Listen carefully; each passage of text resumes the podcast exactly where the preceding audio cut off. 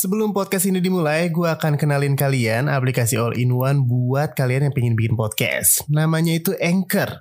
Di Anchor ini kalian gak cuman bisa ngerekam audio, tapi juga bisa langsung editing. Jadi emang semua fitur untuk bikin podcast itu udah ada di aplikasi ini teman-teman.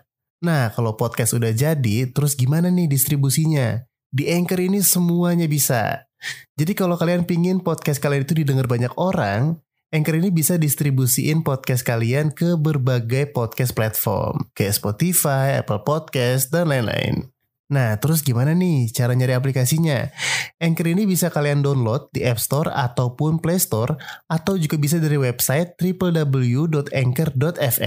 Selamat bikin podcast.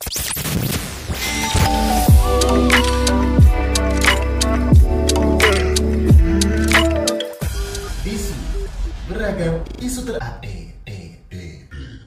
Balik lagi di Bisu, ngomongin soal COVID-19, kayaknya kita tuh udah capek gitu ya denger kabar-kabar soal COVID-19 yang ujung-ujungnya bikin kita makin stres gitu lah. Tapi kali ini, namanya juga Bisu, di mana kita akan share tentang info-info yang positif untuk kalian semua.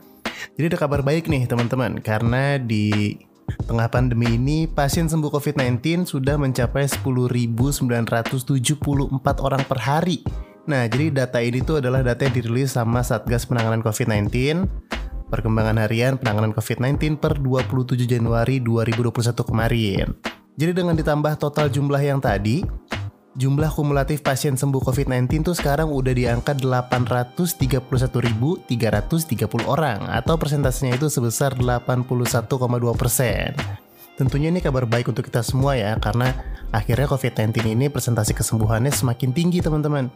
Tapi nggak cuma itu aja nih, selanjutnya ada perkembangan kesembuhan harian per provinsi. DKI Jakarta itu mencatatkan angka yang tinggi, yaitu menambahkan pasien sembuh sebanyak 2.970 orang dan kumulatifnya masih yang tertinggi mencapai 229.713 orang. Di bawah Jakarta ada Jawa Barat di posisi kedua yang menambahkan sebanyak 1.800 orang dan kumulatifnya itu mencapai 107.620 orang. Sementara di tempat ketiga, keempat, dan kelima ini masih didominasi Pulau Jawa. Jadi ada Jawa Tengah, ada Jawa Timur, dan yang terakhir Sulawesi Selatan. Yang kesembuhan hariannya itu semakin meningkat teman-teman. Nah sejauh ini sendiri, Jumlah yang terkonfirmasi negatif COVID-19 dari hasil periksa laboratorium sampai saat ini itu ada 4.953.830 kasus. Termasuk tambahan hari ini sebanyak 34.543 kasus. Nah, di sisi lain nih, jumlah kasus aktif atau pasien yang masih membutuhkan perawatan per hari ini berjumlah 164.113 kasus dan persentasenya menjadi 16 persen. Nah, di balik angka-angka ini, Satgas juga berpesan agar masyarakat tetap menjalankan protokol kesehatan dalam menjalani aktivitas sehari-hari. Jadi kalau kita pengen cepet-cepet hidup normal, harus patuh nih sama aturan yang ada. Protokol-protokol kesehatan harus diperhatikan benar teman-teman. Pakai masker, menjaga jarak, mencuci tangan. Karena hal tersimpel yang bisa kita lakukan adalah itu, semua dimulai dari diri kita sendiri. Di balik banyaknya angka kesembuhan yang terus meningkat nih teman-teman, ada satu fakta yang menarik banget nih. Jadi pemerintah bersama Palang Merah Indonesia atau PMI mengajak para penyintas corona agar mendonorkan plasma konvalesen. Nah, donor plasma konvalesen ini diharapkan bisa mengurangi okupansi pasien corona di rumah sakit dan menurunkan angka kematian. Jadi si donor plasma konvalesen ini di latar belakangnya hasil riset awal yang dilakukan Rumah Sakit Saiful Anwar di Malang, teman-teman. Berdasarkan hasil penelitian awal, tingkat kesembuhan pasien corona bergejala berat yang menjalani terapi plasma mencapai 100%. Wah, ini keren banget sih ya. Adapun bagi pasien corona yang berstatus krisis, tingkat kesembuhannya itu mencapai 85%. Masih soal COVID-19, di informasi berikutnya ini ada info dari Wakil Gubernur DKI Jakarta, Ahmad Riza Patria. Jadi menurut Pak Wagub ini, sekarang ini udah terdapat 17 hotel di DKI Jakarta untuk keperluan penanganan pandemi virus corona di ibu kota. Nah, sebagian hotel ini dijadikan tempat akomodasi para tenaga kesehatan dan beberapa di antaranya untuk ruang isolasi pasien COVID-19 tanpa gejala. Jadi hotel-hotel ini emang sengaja disediakan pemerintah pusat melalui Kementerian Pariwisata dan Ekonomi Kreatif bersama Kementerian Kesehatan teman-teman. Jadi memang kolaborasi antar pemerintah ini diharapkan bisa memberi dampak yang baik di tengah pandemi COVID-19 ini teman-teman. Nah lebih lanjutnya Pak Wagub ini berharap pemerintah pusat dapat menambah hotel hingga kapasitas tempat isolasi mandiri pun terus meningkat. Karena hal ini nggak lepas dari laju penyebaran virus corona yang saat ini masih sulit untuk dikendalikan. Nah, pada kesempatan yang sama, Menteri Parekraf Sandiaga Uno menegaskan pemerintah pusat bakal berupaya meningkatkan kolaborasi dan memberikan dukungan dengan menambah tempat penginapan atau hotel untuk tempat isolasi terkendali. Di tahun 2021 ini juga menurut Menteri untuk sementara pembiayaan penanganan dikelola oleh Badan Nasional Penanggulangan Bencana atau BNPB. Tapi ke depannya pembiayaan akan ditanggung kembali oleh Kemenpekraf dan Kemenkes. Sebelum lanjut, gue bakal kenalin aplikasi all-in-one buat kalian yang mau bikin podcast. Namanya itu Anchor. Jadi di Anchor ini, kalian gak cuma bisa ngerekam audio, tapi juga bisa langsung editing audio kalian di sini.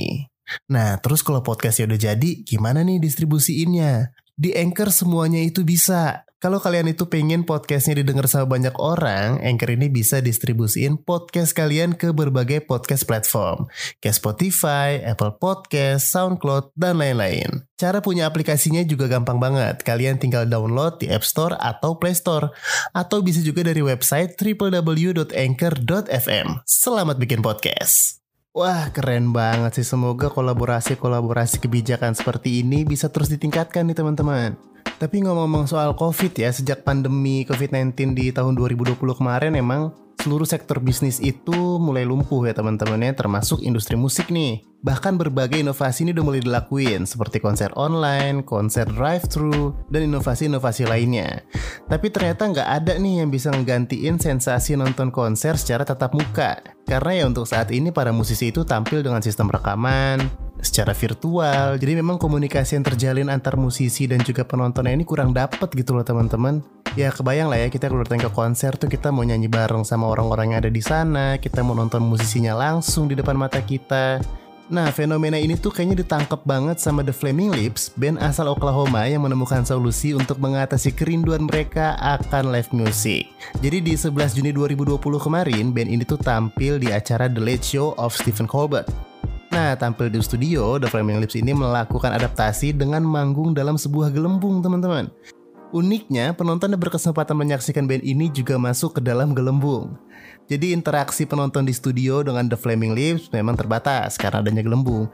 Tetapi mereka tetap bernyanyi salah satu lagu mereka, Race for the Prize, dengan sangat prima. Jadi komunikasi tetap terjalin, energinya tetap dapet, dan yang pastinya protokol kesehatan itu tetap dijaga teman-teman. Nah, video mereka manggung yang akhir-akhir ini viral ini mendapatkan pujian dari para warganet nih. Bahkan di salah satu kolom komentar ada yang bilang, pakai gelembung ini adalah cara yang unik dan cocok sebagai edukasi tentang pembatasan sosial. Wah ini bisa banget nih dijadikan contoh untuk IO-IO atau televisi yang ingin mengundang band juga para fansnya.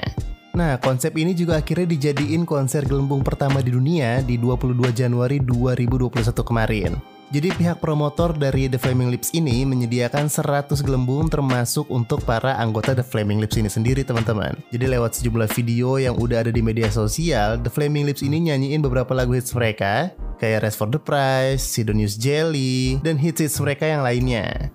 Nah, mungkin banyak yang tanya-tanya nih, dari mana sih asal muasal kehadiran gelembung sebagai konsep konser mereka? Jadi ternyata ide ini tuh diinisiasi sama pentolannya The Flaming Lips, Wayne Cohn, di hari pertama lockdown. Jadi di wawancaranya sama Consequence of Sound tahun lalu, Koin ini bilang kalau dia bikin gambar kartun kecil, jadi dia bikin gambar diri dia sendiri sama bandnya di tahun 2019 dan hanya dia yang satu-satunya berada dalam gelembung di atas panggung. Jadi kalau kalian mau lihat gambarnya, kalian bisa lihat di Instagramnya The Flaming Lips, at The Flaming Lips, semua disambung, itu ada di postingan mereka tanggal 13 Maret 2020. Atau kalau kalian pingin lihat video-video manggung mereka dengan gelembung, kalian tinggal search aja di YouTube. Tinggal kalian ketik di Flaming Lips, itu pasti udah keluar semua tuh teman-teman. Jadi dengan inovasi dan langkah-langkah unik yang diambil oleh The Flaming Lips, mereka ini sekarang dikenal sebagai band yang selalu menggunakan gebrakan baru dalam penampilan mereka. Dan ini juga berlaku di tengah COVID-19. Karena mereka itu tetap berusaha untuk membuat konser dengan lingkungan yang aman. Walaupun di sisi lain kalau mereka sehari harus 4 sampai 5 kali tampil dengan gelembung itu akan capek banget ya teman-teman. Tapi mereka tetap ingat nih, ada penonton yang tetap ingin menonton mereka, dan para penonton ini juga punya keluarga. Jadi ya mereka harus rela menggunakan konsep gelembung ini, supaya tetap bisa menghibur fans-fans mereka di seluruh dunia. Nah itu dia tadi bisu di episode kali ini, sampai ketemu lagi di episode selanjutnya.